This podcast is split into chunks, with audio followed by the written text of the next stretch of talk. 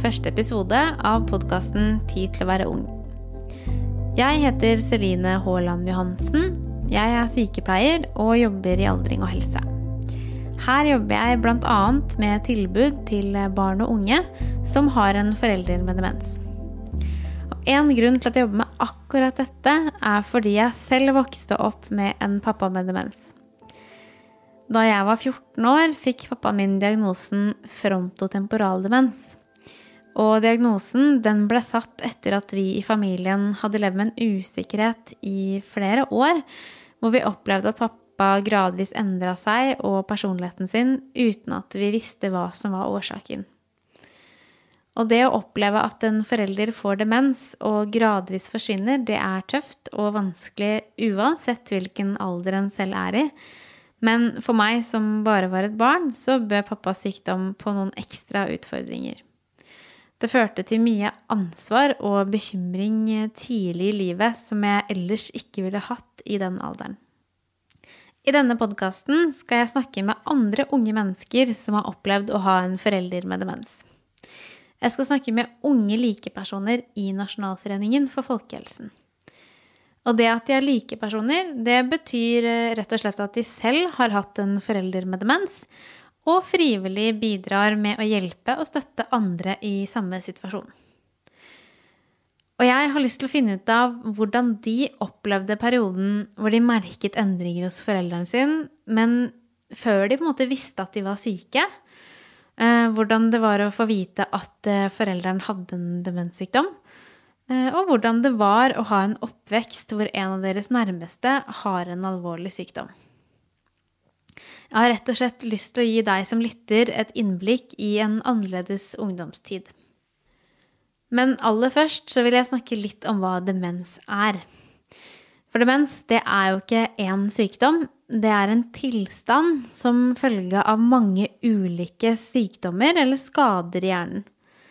Og den vanligste sykdommen er Alzheimers sykdom. Men det fins også mange andre. Og et eksempel på det er jo den sykdommen pappa hadde, altså frontotemporal demens. En demenssykdom det fører til endringer på bl.a. hukommelse, språk, personlighet og evnen til å fungere i hverdagen. Og sykdommene de utvikler seg og blir gradvis verre over tid. Og fordi det er ulike sykdommer som fører til demens, og vi alle er forskjellige, så vil demens utarte seg ulikt fra person til person. I Norge er det over 100 000 personer med demens. Og selv om de fleste av disse som får demens, er eldre, så finnes det også personer som får demens på en tid i livet hvor de har barn i ung alder. Og det er jo akkurat disse jeg skal snakke med i denne podkasten. De unge menneskene som vet hvordan det er å ha en forelder med demens. Fordi denne podkasten skal handle om disse unge pårørende, blir det naturlig for meg å starte med min historie. For jeg har selv opplevd å ha en pappa med demens. Pappa var en snill, omtenksom og veldig morsom person. Han var glad i å samle familien rundt seg, og vi hadde ofte familiesammenkomster hjemme hos oss. Jeg opplevde på mange måter at jeg og pappa hadde spesielt bånd, fordi jeg følte at jeg lignet mye på han som person. Jeg var en skikkelig pappajente, og han og jeg brukte mye tid sammen. Fordi han var dirigent i korpsene jeg, og etter hvert også søsteren min, spilte i. Men da jeg var rundt ti år, begynte pappa å endre seg. Selv om pappa alltid har vært ganske streng, ble han nå mye strengere og mer sint. Det som var vanskeligst, var at han ble sint for ting uten at jeg forsto hvorfor, eller at han ble mer sint enn normalt for småting. For eksempel kunne han kjefte mye om han mistet noe i gulvet eller sølte på duken. Pappa begynte også gradvis å glemme ord, og han som hadde vært korpsdirigent siden han var 16 år, begynte plutselig å glemme helt enkle korpsuttrykk. Pappa tok også mer avstand fra oss andre i familien og ble mer opptatt av seg og sitt. Likevel var dette før vi visste at pappa var syk, og lenge forsøkte vi nok alle å lage en del hverdagslige forklaringer på hvorfor pappa oppførte seg rart eller gjorde som han gjorde. Jeg har også tatt en prat med lillesøsteren min Emilia, som er tre år yngre enn meg, for at vi sammen skal snakke om denne delen av vår barndom, og hvordan vi opplevde å ha en pappa med demens. Hei, Emilia. Hei, Trine. det er skikkelig eh, rart og veldig fint at du vil eh, snakke med meg om, eh, om dette temaet her. Om når pappa ble syk. Ja. Mm. Og i dag så skal vi, vi snakke om oss og den opplevelsen vi hadde når pappa ble syk. Og pappa eh, det visste vi jo etterpå, da, men hadde jo noe som het frontal abstinens. Som betyr at han endret jo personligheten sin først og fremst da han begynte å endre seg. Og så endret han seg en del i språket. Mm. Hva husker du av det, altså når han begynte å bli annerledes? Nei, jeg husker på en måte en litt Altså, han var jo en litt streng mann fra før, men han ble litt strengere og litt mer sånn kortere lunte. Ble litt mer sur. Så er det en ting jeg husker veldig godt, så husker jeg en gang det, Dette er mer noe du opplevde, men jeg husker også en gang at mamma og pappa krangla. Og at jeg var vitne til det, og det skjedde jo egentlig ikke med en vanlig pappa. Da hadde jo de det ganske harmonisk, vil jeg si. Ja, de hadde det. Mm. Og det var nok litt det kanskje vi begge merket, at liksom relasjonen dem imellom endret seg litt. Ja, Fordi at han, og det er aller mest fordi han ble ganske sint på ting. ja. Og så husker jeg jo at han kanskje ble litt mer opptatt av seg selv. Ja. Eh, at han kanskje ikke spurte like mye om hvordan vi hadde det lenger, eller jeg husker, Nei. husker du det at, at han i starten kunne si sånn at vi måtte Nå måtte vi høre på dagen hans når han kom hjem fra jobb. ja. For det var han litt sånn opptatt av at vi skulle høre på hva han hadde gjort og hva han hadde opplevd, og så ble han kanskje ikke så opptatt lenger av hva vi gjorde. Det er det, sånn jeg, kan, jeg, kan, jeg husker situasjonen når du sier det, men det er sånn som ikke har liksom blitt sittende hos meg, egentlig. Jeg husker veldig godt når han bygde en ny, eh, nytt soverom nede. Men jeg var sju, så jeg tenkte bare ok, nytt gjesterom, kult. Mm. Men på- fant ja. jo på litt Han gjorde litt sånne rare ting som man på en måte ikke skjønte helt hvorfor han gjorde og sånn, da. Ja. Mm. Nei. Men det er jo det når man er barn. altså Selv når mamma og pappa ikke sover i samme seng lenger fordi han har bygd seg sitt eget rom. Du tenker jo ikke nødvendigvis mye over det, fordi at hva er normalt når du er sju år? Mm. Du veit jo ikke hva naboen gjør. Så i din verden så kan det være sånn at alle har det sånn her. Mm. Det føler jeg mye av det som preger sånn jeg husker det. da. Jeg vet jo ikke hvordan det er med alle andre.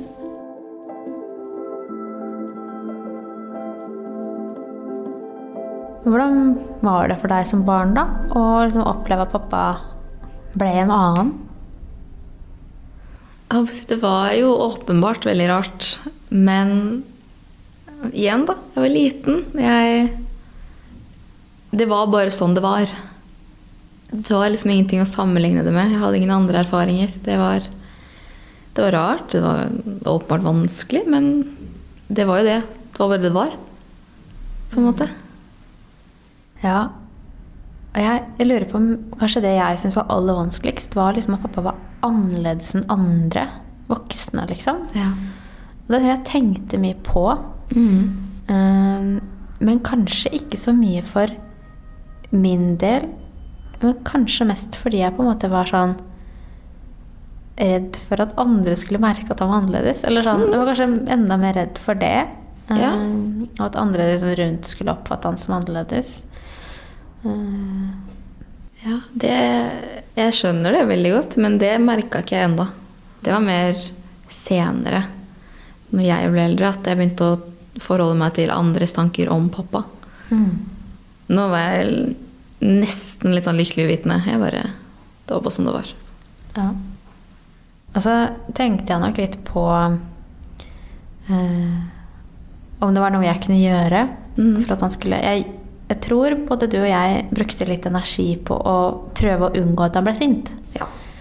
Men så var bare det litt vanskelig fordi, fordi at det han ble sint for, det varierte så veldig, og det var ikke alltid like logisk. Nei. Eh, og det kunne jo være uhell også. Ja. Sånn at man mista noe i bakken, eller at man ikke med vilje, men så skjedde et eller annet spesielt hvis man sølte eller Ja. gjorde noe skittent. da. Eh, Så var det så vanskelig å unngå. Mm.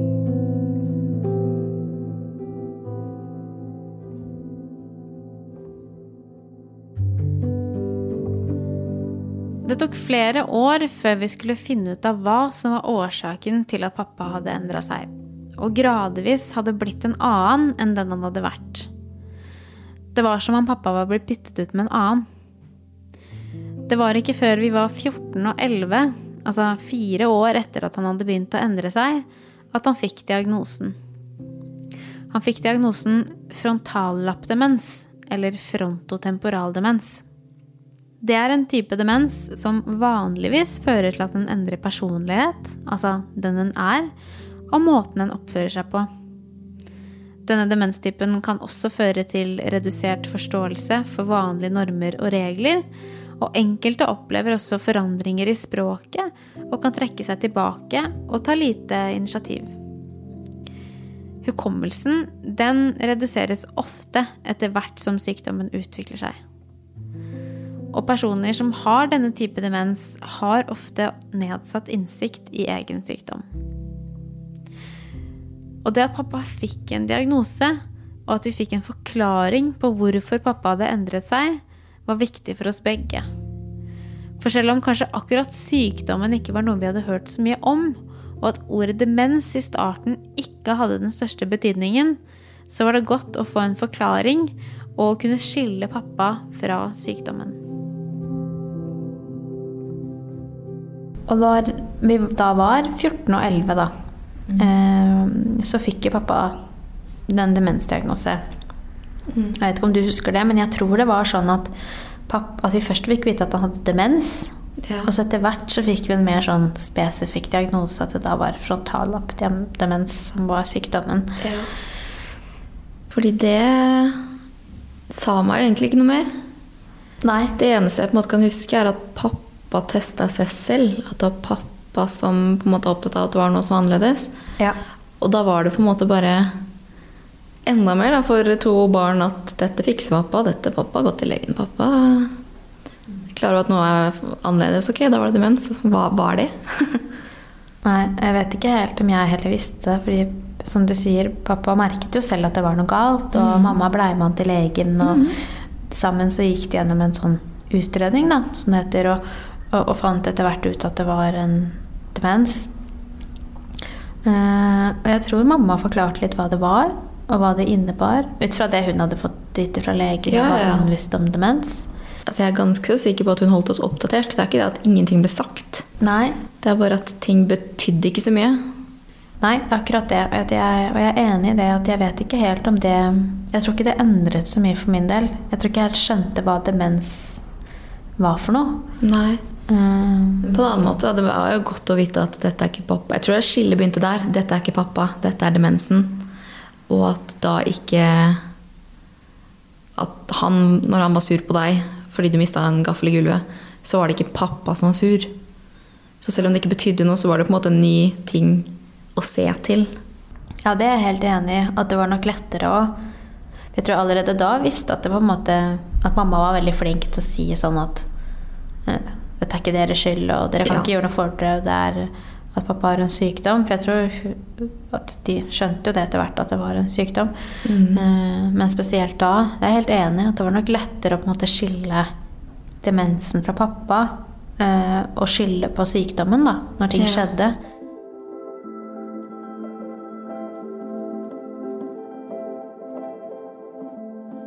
En av de endringene vi merket hos pappa, var at han gradvis trakk seg unna hos andre i familien og ble mer opptatt av seg selv og sitt liv. En stund etter at han begynte å endre seg, fortalte han mamma at han ønsket å skille seg. Og selv om dette ikke var noe mamma ønsket, endte de til slutt opp med å gå fra hverandre.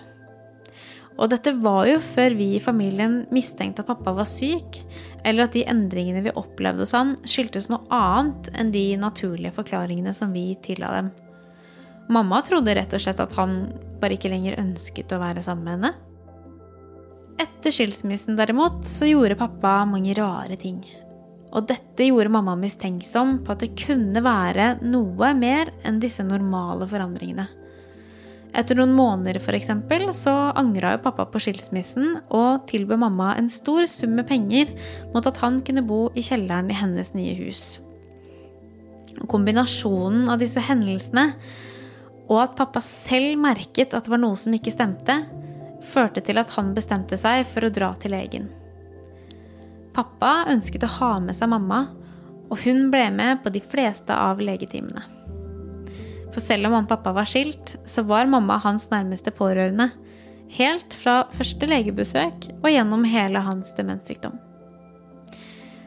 Til tross for disse mistankene og bekymringene for hva som feilte pappa, så tok det lang tid før vi skjønte at pappa faktisk hadde en sykdom, og mange år før pappa fikk en demensdiagnose. Derfor var jeg og søsteren min i starten hos pappa annenhver helg, akkurat som i en vanlig familie med skilte foreldre. Emilie og jeg hadde nok litt ulike opplevelser av hvordan det var å være hos pappa. Nei, altså Det var jo på en måte På mange måter litt likt som å bare være alle fire. Mm. For jeg hadde jo deg der, og det var jo bare oss to og pappa, liksom. Eh, Så det var jo veldig gøy å være der. Nytt sted, nye folk å leke med, andre lekeplasser og sånne ting. Men det var jo også litt de samme tingene med at pappa var litt annerledes. Samme situasjonene der, da. At han fort kunne bli sur og ikke visste hva det var han skulle bli sur for. Det ble med over. Ja, fordi pappa, pappa flyttet jo til et nytt sted. Derfor så var det jo mye nytt, og det er jo alltid gøy, det. Eller å oppleve nye ting. Og, og vi bodde jo hos mamma fast Mm. ellers, så vi hadde jo alt der som var eh, helt vanlig. og ja, vanlig oppvekst der, liksom.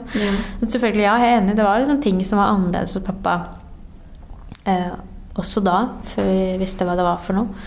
Eh, og ja, det kanskje som preget litt av min opplevelse der, var jo det at pappa veldig tidlig syntes det var vanskelig å lage mat. Ja. Så husker jeg ikke helt hvorfor det blei sånn at det liksom ble mer og mer min oppgave. Men jeg tror jeg hjalp pappa mye ved kjøkkenet og sånn. Ja. Eh, og så kunne han synes det etter hvert var litt vanskelig å komme på ord. Så det var litt vanskelig for han å huske sånn, hva ulike matretter var for noe. Ja. Men selv da, så Som sagt, vi visste jo ikke at det var en sykdom. Så det var vel Nei. heller bare det at liksom, Som du sier, da, det var annerledes hos pappa enn det det var hos mamma. ja.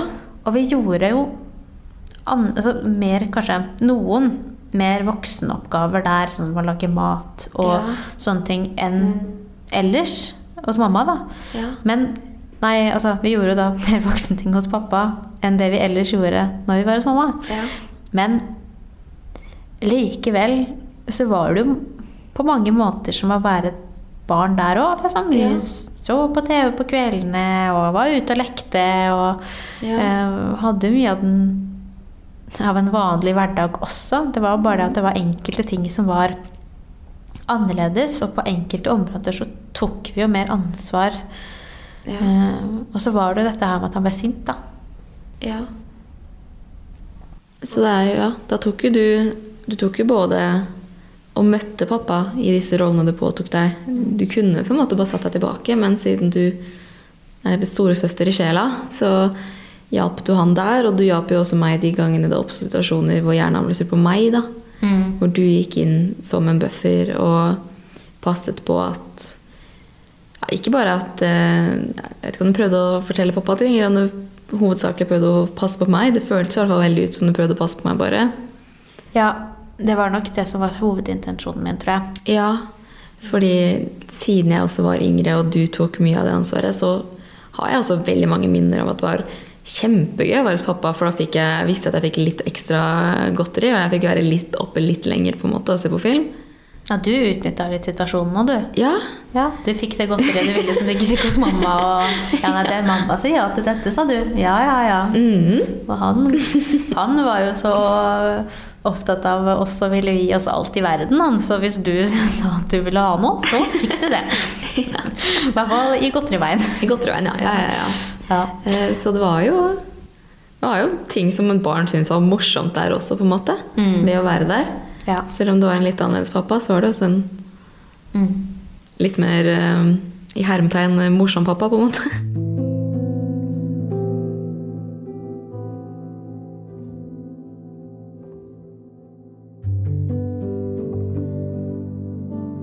Jeg syns det er godt å tenke på at vi oppi alt det vonde også klarer å huske de gode tingene vi fikk oppleve sammen med pappa. Storesøsterhjertet mitt er så glad for at lillesøsteren min forteller at hun også på mange måter hadde det bra da vi var hos pappa.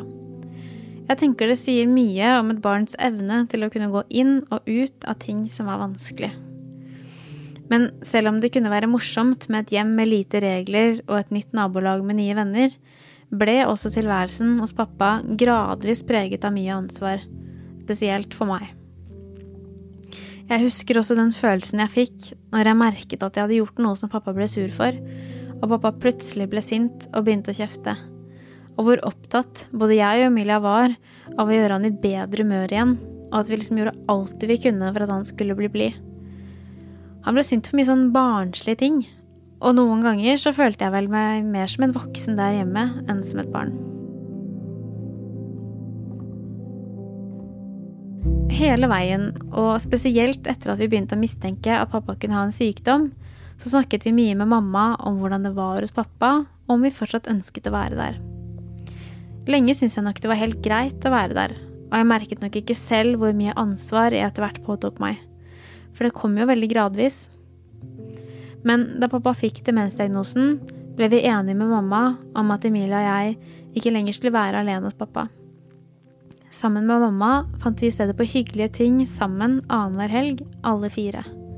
Vi dro på kafé, gikk turer, dro på kjøpesenteret eller gjorde andre ting som pappa likte.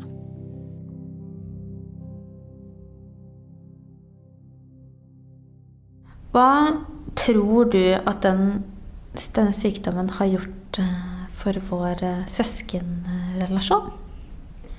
Nei, jeg tror ikke bare du og jeg, men også du og jeg og mamma. Vi har blitt kjempesammensveisa og close. Jeg føler liksom at vi er ikke bare søstre, vi er liksom venner. Mm. Og det er sånn, Vi har alltid vært kjempeclose, men når jeg ser tilbake, så tror jeg det her kan ha, ha en stor del av rollen i det. Ja. På et eller annet tidspunkt så trodde jeg nok ikke det, når du sto der som sånn åtteåring og bare 'Du er ikke mora mi! er ikke for meg! Jeg har en annen mor.' Jeg tror nok noen ganger du syntes det var irriterende at jeg, Ja. at jeg tok At jeg lagde regler da, der pappa ga, hadde gitt litt mer slack. En åtteåring ser ikke verdien av regler. De er bare i veien. Men jeg er helt enig eh, at når eh, At vi ble jo det, Vi ble jo et eh, lite team der. Vi backa jo hverandre, og vi hadde jo alltid mamma. Og vi ble jo veldig nære. Sånn, vi snakket jo alltid med mamma om ting. Og spesielt etter at han fikk eh, Eller hele veien har vi alltid snakket sammen og vært åpne om det som har skjedd, og hvordan vi har takla ting. og hvis det har vært ting som har vært vanskelig med pappa og sykdommen og alt annet rundt, så har Ja. vi jo alltid snakket mye om det, både vi to, men spesielt også vi tre, da, med mamma. Ja. Eh, Så det er jeg helt enig i. Jeg tror vi har blitt eh, fått en veldig nær relasjon, som jeg håper at vi ville fått ellers òg, men som jeg vet at vi har fått nå, når vi har stått gjennom alt dette her sammen, da. Ja, ja, ja, ja. Det er jo et eller annet med det når man opplever det som familie, på en måte. At man som et lag da, prøver å liksom gjøre det vi kan Ja. for at vi skal takle det på best mulig måte. Pappas demenssykdom ble gradvis verre, og han hadde etter hvert behov for mer hjelp i hverdagen. Han fikk bl.a. et dagsentertilbud. Dette tilbudet ga han noe fast å gjøre i hverdagen, og her fikk han flere måltider, dro på utflukter og kunne være sosial sammen med andre personer med demens og de ansatte. Etter hvert som tiden gikk, ble pappa gradvis mer syk. Og selv om vi kanskje visste at demens er en dødelig sykdom, kom det brått på da pappa på kort tid ble mye dårligere og til slutt døde. Da var jeg 16 og Emilia 13, og vår verden ble snudd opp ned. For selv om den pappa egentlig var, gradvis hadde blitt borte i demenssykdommen, var det ikke før han døde at vi ikke lenger hadde en pappa i det hele tatt. Så på mange måter opplevde jeg derfor å miste pappa to ganger. Jeg vet ikke, Har du noen tanker om hva det har gjort med deg som menneske sånn nå, som voksen? Det å ha opplevd å ha en syk pappa på den måten? Altså, jeg møter mennesker med liksom Hvis folk er litt annerledes, så tenker jeg alltid det her kan være så veldig mye mer. Jeg tenker ikke sånn Hun var rar. Men liksom tenker jeg da Hun kan ha sitt som hun sliter med, og de gjør så godt de kan, de rundt. Og, og også bare det generelt oss. At vi er så close. Vi facetimer hver dag, liksom. Det er sikkert ikke alle som gjør det. Så ja du, Det er bare en økt forståelse. At ting kan være så mye dypere enn det du ser. Så derfor skal du aldri dømme noen, på en måte, selv om det høres veldig klisjé ut. Mm. så ja, så vokste vi jo fortere opp kanskje enn andre, og Ja. det ble jo mye mer sånn alvor tidlig i livet vårt, da. Jeg hadde jo sikkert ikke blitt sykepleier hvis ikke pappa hadde vært syk. Det er jo liksom hele, hele bakgrunnen for det jeg gjør, i hvert fall. Og, eh, ja, jeg er helt enig. Jeg tror vi i hvert fall gjort oss veldig nærme som Ja. søstre mm, og som familie. Ja.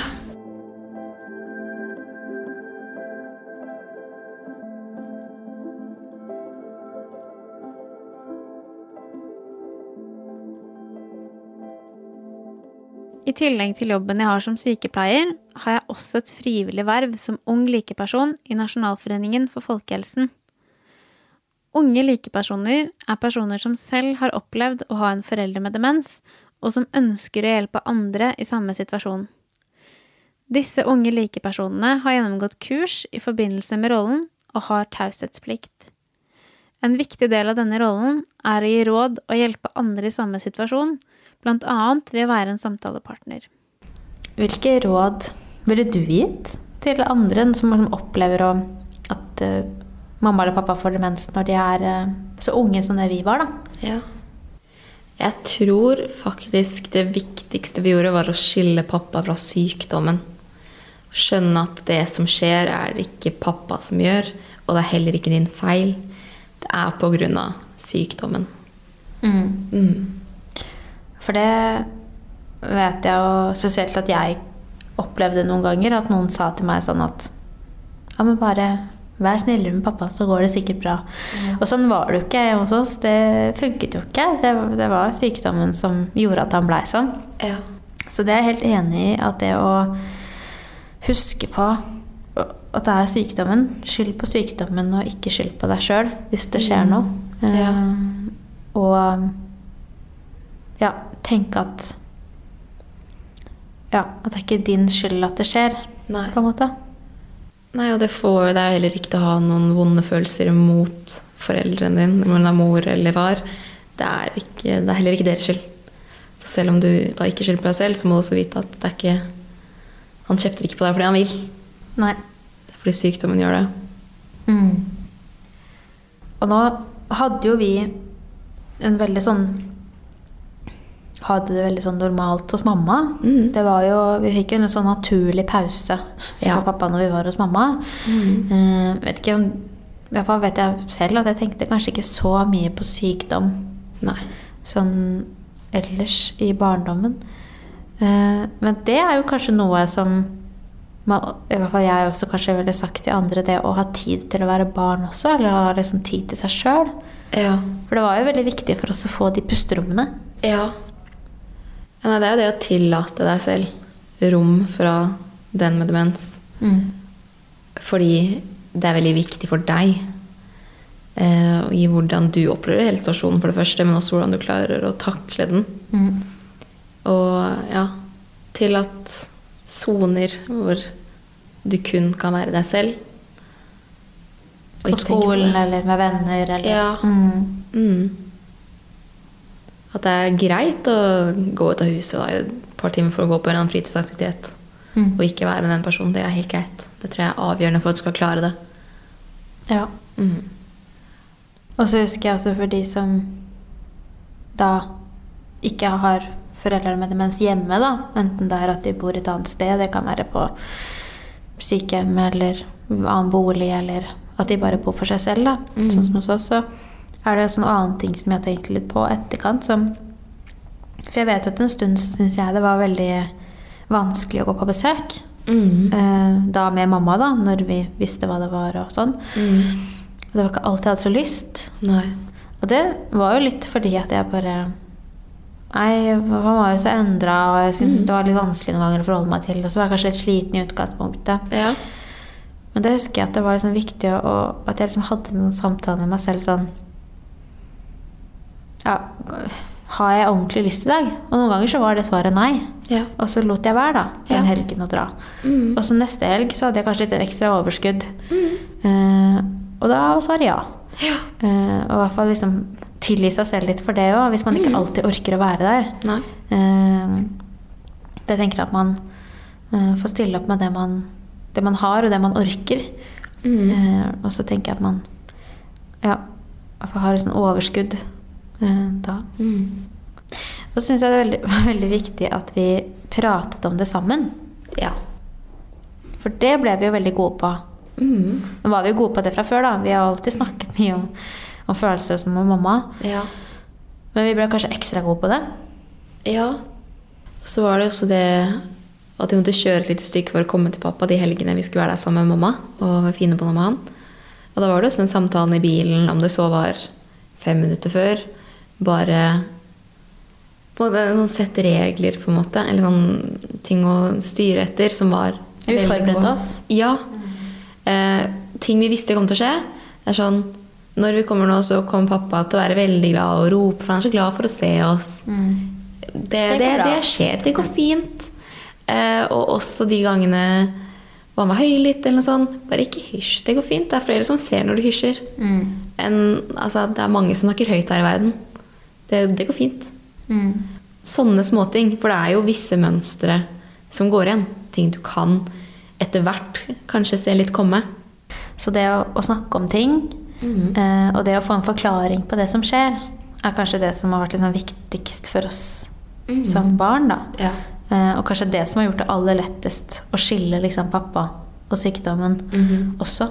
Det at vi snakket om det og fikk forklaringer.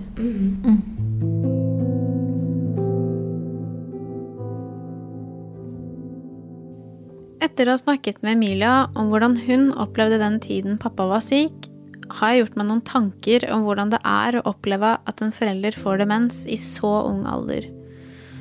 Det slår meg hvor mye de tre årene vi har mellom oss, har å si. Fordi Emilia var så ung, har hun nok mange færre minner av hvem pappa egentlig var. Og når vi snakker sammen, beskriver hun at hun nok heller ikke reflekterte like mye over alt som var annerledes med han, sammenlignet med andre foreldre. Forståelsen av at pappa ikke var som alle andre, ble nok tydeligere etter hvert som hun ble eldre og pappa fikk demensdiagnosen. Derimot har det nok preget henne mye at hun har få egne minner fra da pappa var frisk. Jeg husker nok mer av hvem pappa var som frisk, og tenkte tidligere over at han endret seg, og de tingene som skilte pappa fra andre foreldre. Å miste pappa på denne måten preget meg og min opplevelse av hans sykdom. Likevel har nok både jeg og Emilia en felles opplevelse av å ha en oppvekst med noen kontraster. Det var helt normalt og trygt hjemme hos mamma, mens det å være hos pappa opplevdes mer uforutsigbart og innebar mer ansvar. Tryggheten og stabiliteten som mamma ga oss, og det at hun forklarte hva demens var, og hvorfor pappa hadde endret seg, var avgjørende for hvordan vi håndterte pappas sykdom. Det var nok også viktig for oss at vi som familie snakket om det vi opplevde, spesielt det som var vanskelig.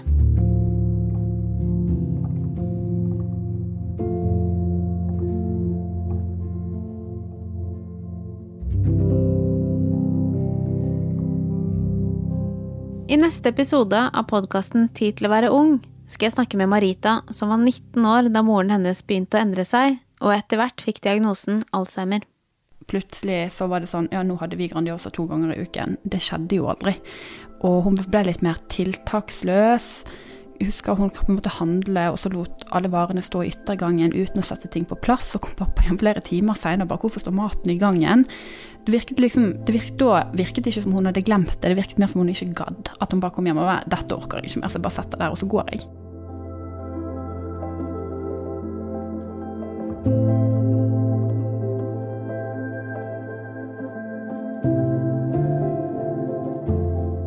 Trenger du å snakke med noen etter å ha hørt på denne episoden? Ta kontakt med helsesykepleier på skolen, demenskoordinator, fastlegen eller annet helsepersonell rundt deg. Du kan også ringe Mental Helses hjelpetelefon på 116 123. Hvis det haster å snakke med noen, kan du ringe alarmtelefonen for barn og unge på 116 111. Har du selv en forelder med demens og ønsker å snakke med en i samme situasjon, kan du ta kontakt med Nasjonalforeningen for folkehelsens unge likepersoner. Har du spørsmål om demens, kan du ringe Demenslinjen på 23 12 00 40. Aldring og helse har landsdekkende tilbud for barn og unge som har en forelder med demens. Les mer om disse og få annen informasjon om demens på tidtilværeung.no. Denne podkasten er laget av Nasjonal kompetansetjeneste for aldring og helse. Jeg heter Celine Haaland Johansen. Ansvarlig produsent er Martin Lundsvold. Fagkonsulent er Tale Kinne Rundquist. Teknisk produksjon er gjort av Headspin. Musikken er produsert av Synkpoint. Podkasten er laget i samarbeid med Nasjonalforeningen for folkehelsen på oppdrag fra Helsedirektoratet som en del av pårørendetiltakene i regjeringens demensplan. Takk for at du hørte på.